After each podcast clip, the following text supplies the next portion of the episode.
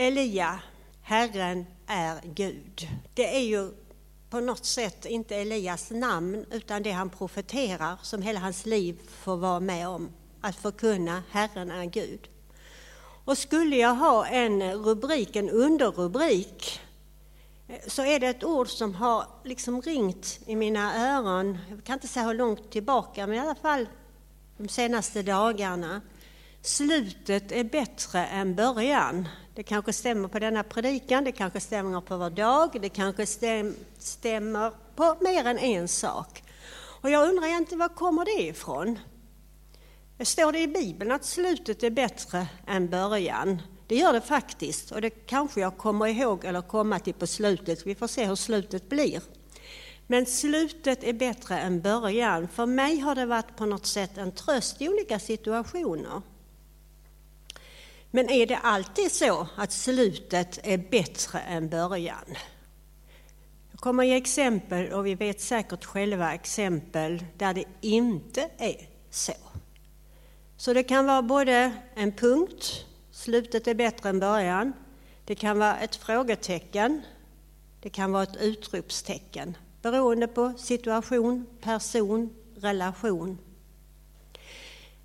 För att gå till dagens föreslagna text då med tanke på Elia så är den från första Kungaboken 21 och den kommer inte upp på väggen. Och jag kommer inte att läsa hela. Men jag kommer att berätta något. Och kanske ibland har ni fått chans att förbereda och veta texten och så, men en del kanske vet ändå. Det är så att det handlar om Nabots vingård. Och det här är en förskräcklig berättelse.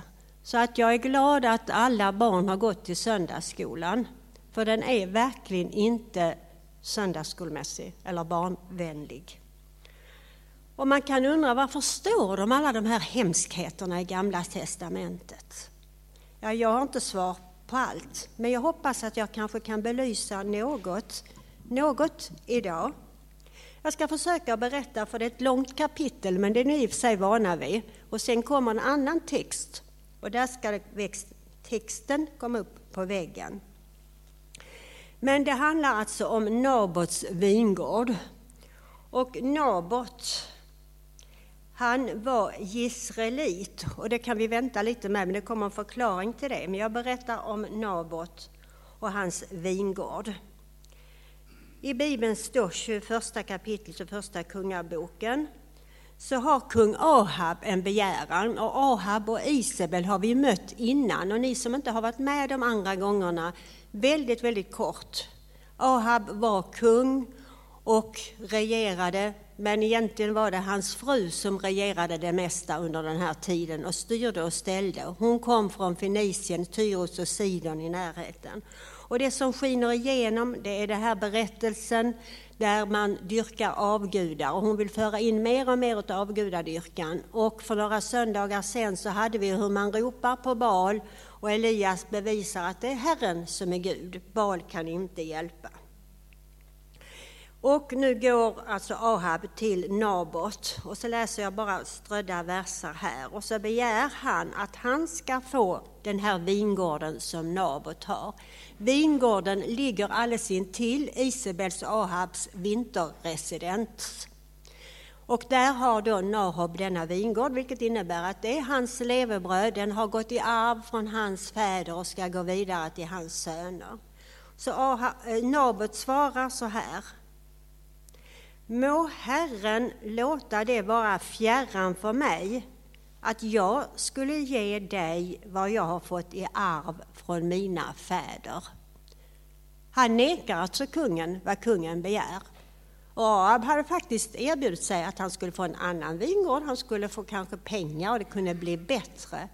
Men Ahab visste vad Herren hade sagt. Det skulle inte säljas utan man skulle ha det i besittning fortsatt till efterkommande. Så var Guds, Guds befallning. Och då svarar Ahab, eller svarar Nabot så här. Men vi har lärt känna Ahab lite grann genom tidigare berättelser att han är styrd av Isabel, han är styrd av känslor, han är styrd av både det ena och det andra. Så han blir missmodig och arg och sur när han inte får som han vill. Och vad skulle han då ha en vingård till? Han hade väl nog med mark, han hade nog för sin förtjänst. Det står faktiskt att han ville ha det till en köksträdgård. Ja, jag vet inte, jag har inte tänkt att han själv skulle gå och arbeta där, men kanske ha nära till färska grönsaker och god mat och middag och så.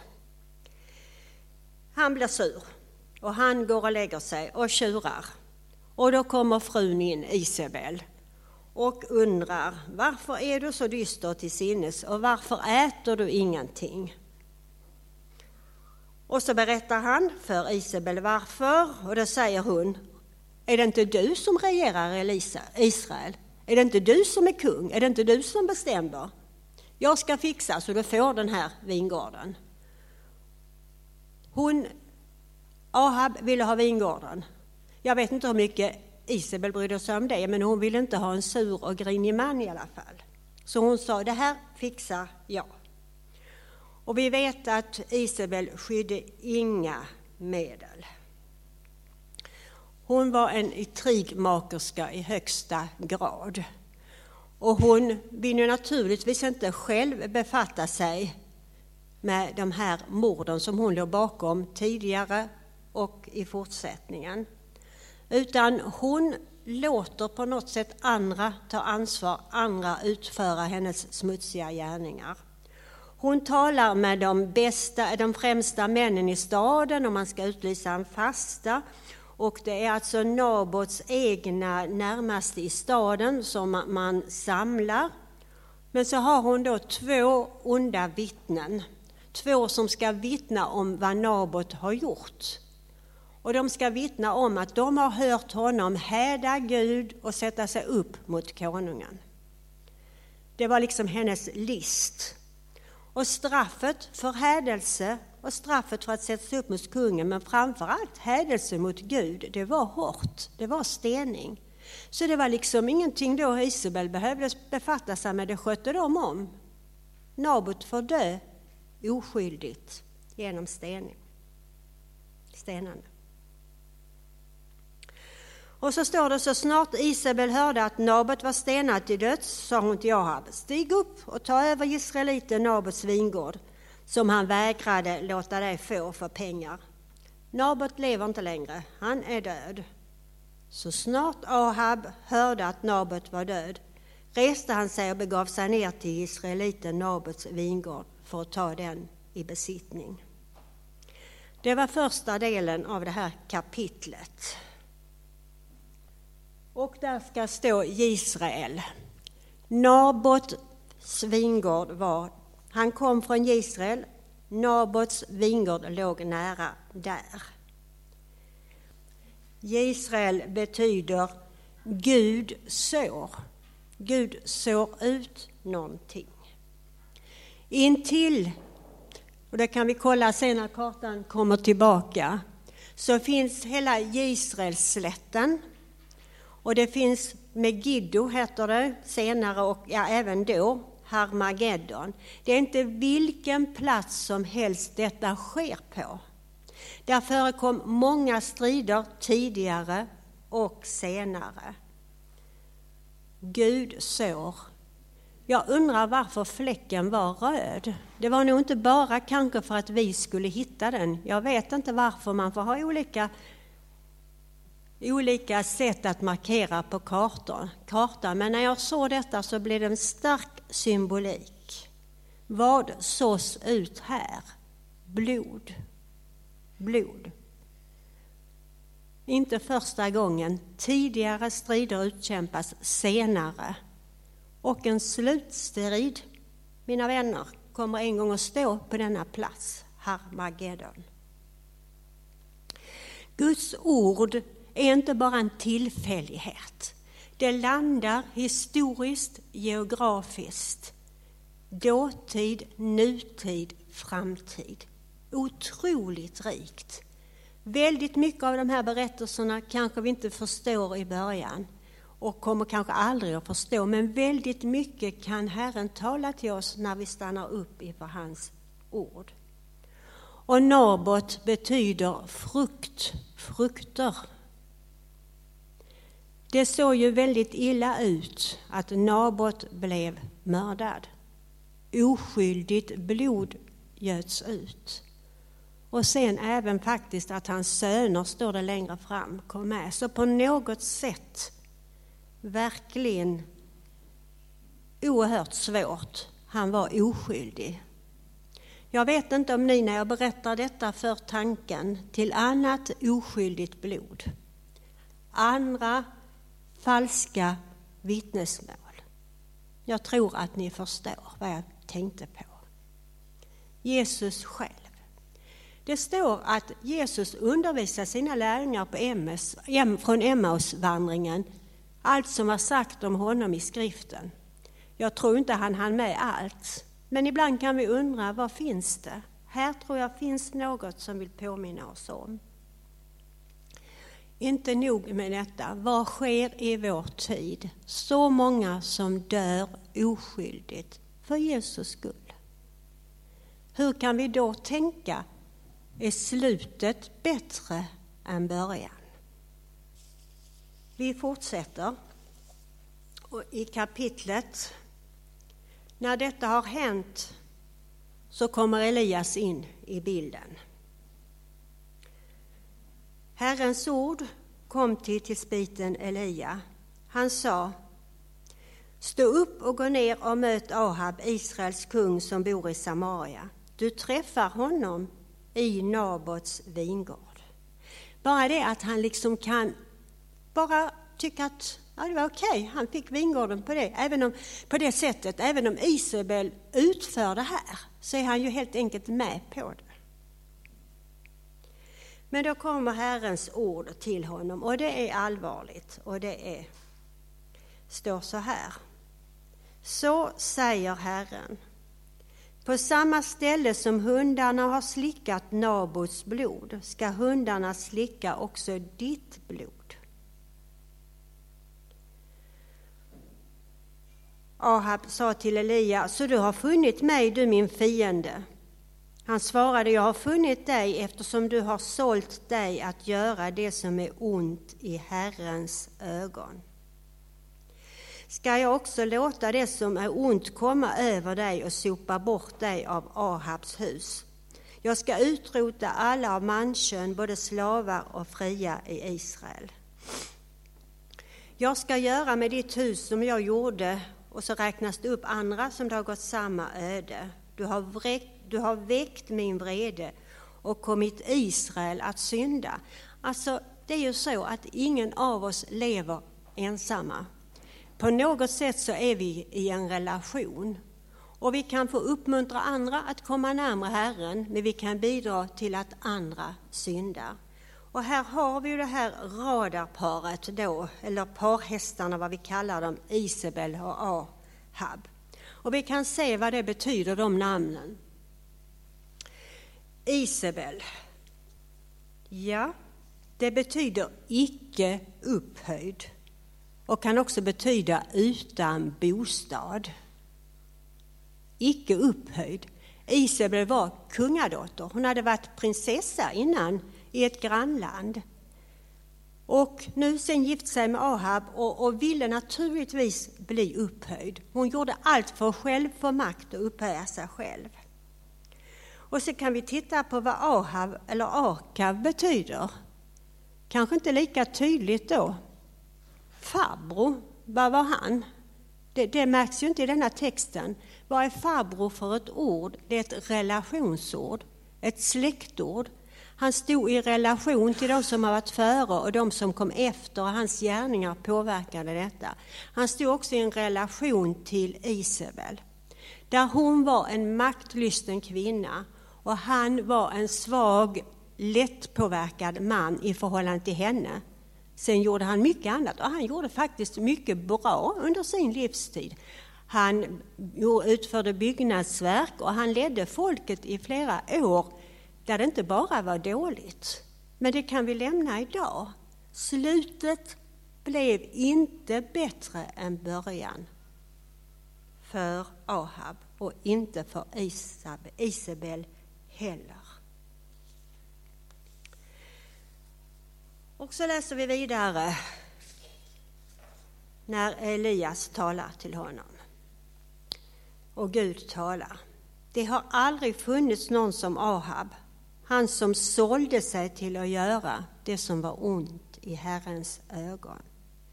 När hans hustru Isabel äggade honom till det. Ingen var oskyldig, båda var skyldiga. Mycket avskyvärt gjorde han när han följde de eländiga avgudarna och här har vi liksom roten till det här. Han börjar ge efter för vad Herren hade sagt. Herren var inte Gud, utan han börjar följa avgudarna. Alltså den här ondskan och det här avfallet, det gick ju inte på en dag, utan det var en utveckling i fel riktning.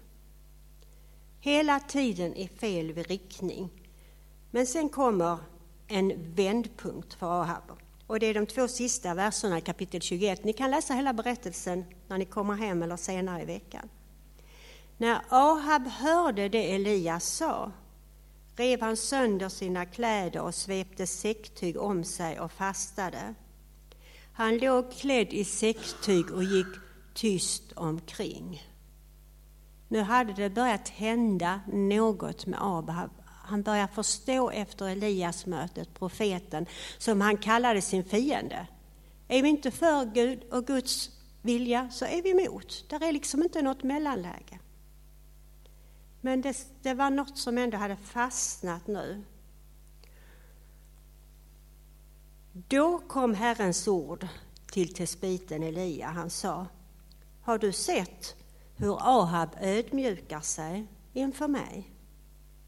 Därför att han ödmjukar sig inför mig ska jag inte låta olyckan komma i hans tid. Först i hans sons tid ska jag låta olyckan komma över hans hus. Alltså, ondskan hade gått så långt. På något sätt så hade syndamåttet fyllts på. Men när, när Gud såg detta så, så ville han ändå förbarma sig över Ahab. Han skulle inte få uppleva hur hela hans släkt, det står allt manköld, alla manliga bara försvann. Det blev först efter hans död. Så i tre år var det lugn och ro efter detta, står det i nästa kapitel. Det är väl liksom på något sätt en återhämtning.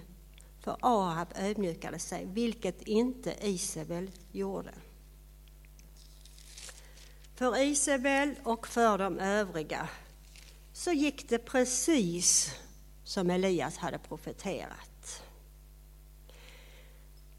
Isabel dödas på ett förfärligt sätt. Hon blir nedkastad från palatsfönstret av tre män på befallning av en annan kung. Och det står väldigt beskrivet hur hennes blod stänkte och allt. En förfärlig skildring som jag inte behöver läsa. Sen säger då den här andra kungen, ta rätt på henne den förbannade och begrav henne, hon är ju en kungadotter. På något sätt ett ovärdigt slut, hon dog där. Men alltså att hon skulle ligga där i en blodpöl, ta nu rätt på henne och ge henne en begravning, hon var ju ändå en kungadotter. Men när de då gick och skulle göra det, så är det precis som Elias har profeterat. Att hundarna skulle äta upp Isabels kött och fåglarna skulle ta det som var över. Och så slutar den berättelsen om Isabel. Isabels döda kropp ska ligga som gödsel på marken på Israels åkerfält, blodsfältet, så att ingen ska kunna säga detta är Isabel. Slutet gott, allting gott, inte för Isabel.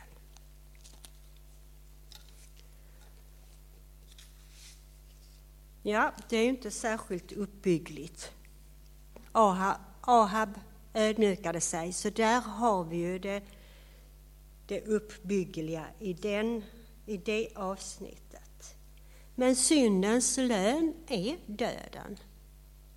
Då som nu. Nu ska vi läsa en annan bibeltext. Och den är från Jesaja 46.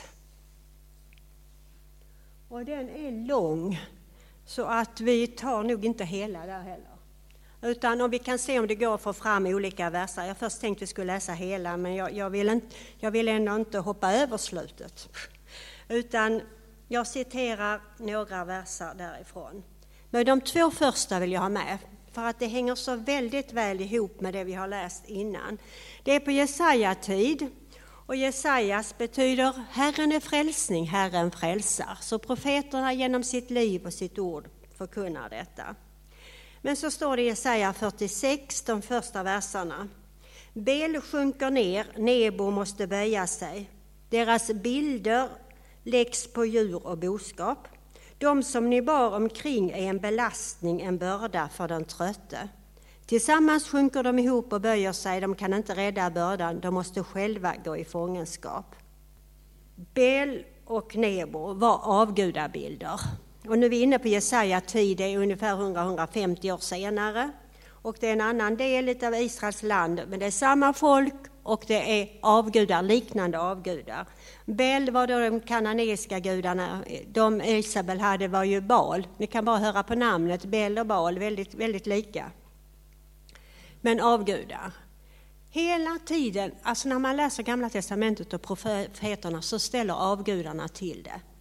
Och då kan vi ju säga, vi har ju inga avgudar, varken av trä eller guld eller silver eller något sådant. Nu var den situationen att det var fara och färde och de flydde och då skulle de ha avgudarna med sig och bilderna med sig. Det är liksom bakgrunden. Och då blev de en belastning, står det helt tydligt. De som ni bar omkring är en belastning, en börda för den trötte. Allt som är avguderi, som kan tyckas hjälpa i början, som är bra, blir till en belastning när det gäller. Och då tänker jag för oss, vad har nu alla de här texterna att säga oss idag? Vad bär vi med oss som kan bli en belastning, som är avgudar, som kan få fel fokus? Jag vet inte vad du har på dig. Jag har en mobil i min ficka. Om jag inte har den i fickan så har jag den i väskan. Ibland glömmer jag den hemma, men jag tror att det är någonting vi, vi har med oss som är bra många gånger. Men det kan verkligen bli, eh, bli en belastning. Om det tar fokus på Herren och att Herren är Gud. Om vi liksom, det blir det första och främsta. Jag ska inte visa allt jag har i fickan. Jag har näsdukar och det behöver vi inte ta upp, men glasögonen kanske inte är en belastning. Det är en hjälp. Jag har faktiskt en kam i fickan. Kan den vara en belastning? Den är väldigt lätt att bära och så, va? så att det inte... Men det kan stå en symbol för vårt yttre. Att vi är noga, att vi är kammade, att vi ser bra ut, att, att allt är under kontroll på det yttre. Det kan bli fel fokus. Det kan bli en avgud hos oss själva, hos människor vi ser upp till, det yttre. Herren ser till hjärtat. Och då ska vi fortsätta och läsa. Nu vet jag inte om ni får fram verserna här, det, för jag hade ju sagt hela kapitlet. Men vi fortsätter på 3 och 4 i alla fall. Så hör på mig, ni av Jakobs hus, alla ni som är kvar av Israels folk. Ni som har varit lagda på mig från moderlivet, burna av mig ända från moderskötet. Ända till er ålderdom är jag densamme. Och till dess ni blir grå ska jag bära er. Så har jag hittills gjort, och även i fortsättningen ska jag stödja er, och jag ska bära och rädda er. Vilka löften till de här avgudadyrkarna! Inte de perfekta, de som aldrig liksom hade, som alltid levt rättfärdigt och tryggt. De som hade burit avgudarna med sig men såg att det blev en belastning när det gällde. Folket, Israels folk, vi, Guds folk. Låt oss släppa det som är till en belastning och minnas att vi ska inte bära någonting med oss. Vi ska få bli burna av den Gud som har varit med oss sedan livets början. Och då kan också livets slut bli bättre än dess början. Men vi har val att göra under hela livet. Så visar det på olika riktningar. Och så tidigt som möjligt vi väljer rätt väg, ju bättre blir slutet. Och jag tänker om vi varje dag omvänder oss, inte gör som Ahab, det går längre och längre i synd, sen får han en chans för Gud är god. Men tänk om han hade gjort andra val tidigare. Då kanske han hade kunnat påverka Isabel, säkert. Han hade kunnat påverka folket. Det hade sett så annorlunda ut, denna historia som slutar så blodigt och sorgligt. Men idag är nådens dag, idag är frälsningens dag. Och sen står det då om att guld som skakas ur börsen, alltså, och det är en annan avgud vår trygghet, vår säkerhet, vad vi har på banken eller vad vi inte har på banken, för det kan det välja, välja ja, bli till bekymmer det. Guldet eller saknaden av guldet. Och nu var det avgudadyrkarna här, att man hade guld. Och sen står det att man ska tänka på detta som kan binda. Och så står det i vers 8 Tänk på detta och fatta mod. Ta det till hjärtat, ni överträdare. Vi syndare, vi. Och vers 9. Kom ihåg det som har hänt i det förgångna, ty jag är Gud. Det finns ingen annan Gud, ingen som jag. Elia, Herren är Gud. Kom ihåg hans välgärningar, kom ihåg hans trofasthet. Kom ihåg vad han har gjort. Och så säger Herren, jag förkunnar från början vad som ska komma och långt i förväg det som inte har skett. Jag säger, mitt beslut ska gå i fullbordan, allt vad jag vill kommer jag att göra. Jag kallar på örnen från öster, från fjärran land, han som verkställer mitt beslut. Vad jag har talat, det låter jag ske, vad jag har beslutat, det sätter jag i verket. Och nu kommer de två sista verserna. Här är en lite märklig vers, för den kan översättas på så olika sätt. I folkbibeln står det så här. Hör på mig, ni självsäkra, som är fjärran från rättfärdighet. Läser man i Bibel 2000 så står det Hör på mig, ni modfällda. Så annorlunda. Vi kan nästan tycka att det är tvärt emot. Är jag självsäker så har jag inte tappat modet. Är jag modfälld, ja då tycker jag inte tror så mycket på mig själv. Men alltså detta hebreiska ord innehåller både och. Och det är inte något fel på alltså översättning, varken det ena eller det andra. Det är bara svårt att översätta och kommentera allt detta. Och jag har inte upptäckt det förrän jag när jag inför predikan brukar jag läsa olika översättningar. Jag tänkte, det kan ju inte vara rätt. Och så tittar jag och så. Och faktiskt på engelska och flera så har de istället självsäkra. Men modfällda är också rätt översatt. Vad är det då som dessa ord har gemensamt? Jo, det är att man låter inte Herren vara Herren. Man låter inte Herren vara Gud. Är jag självsäker så klarar jag mig bra själv. Och då låter jag inte Herren vara Gud.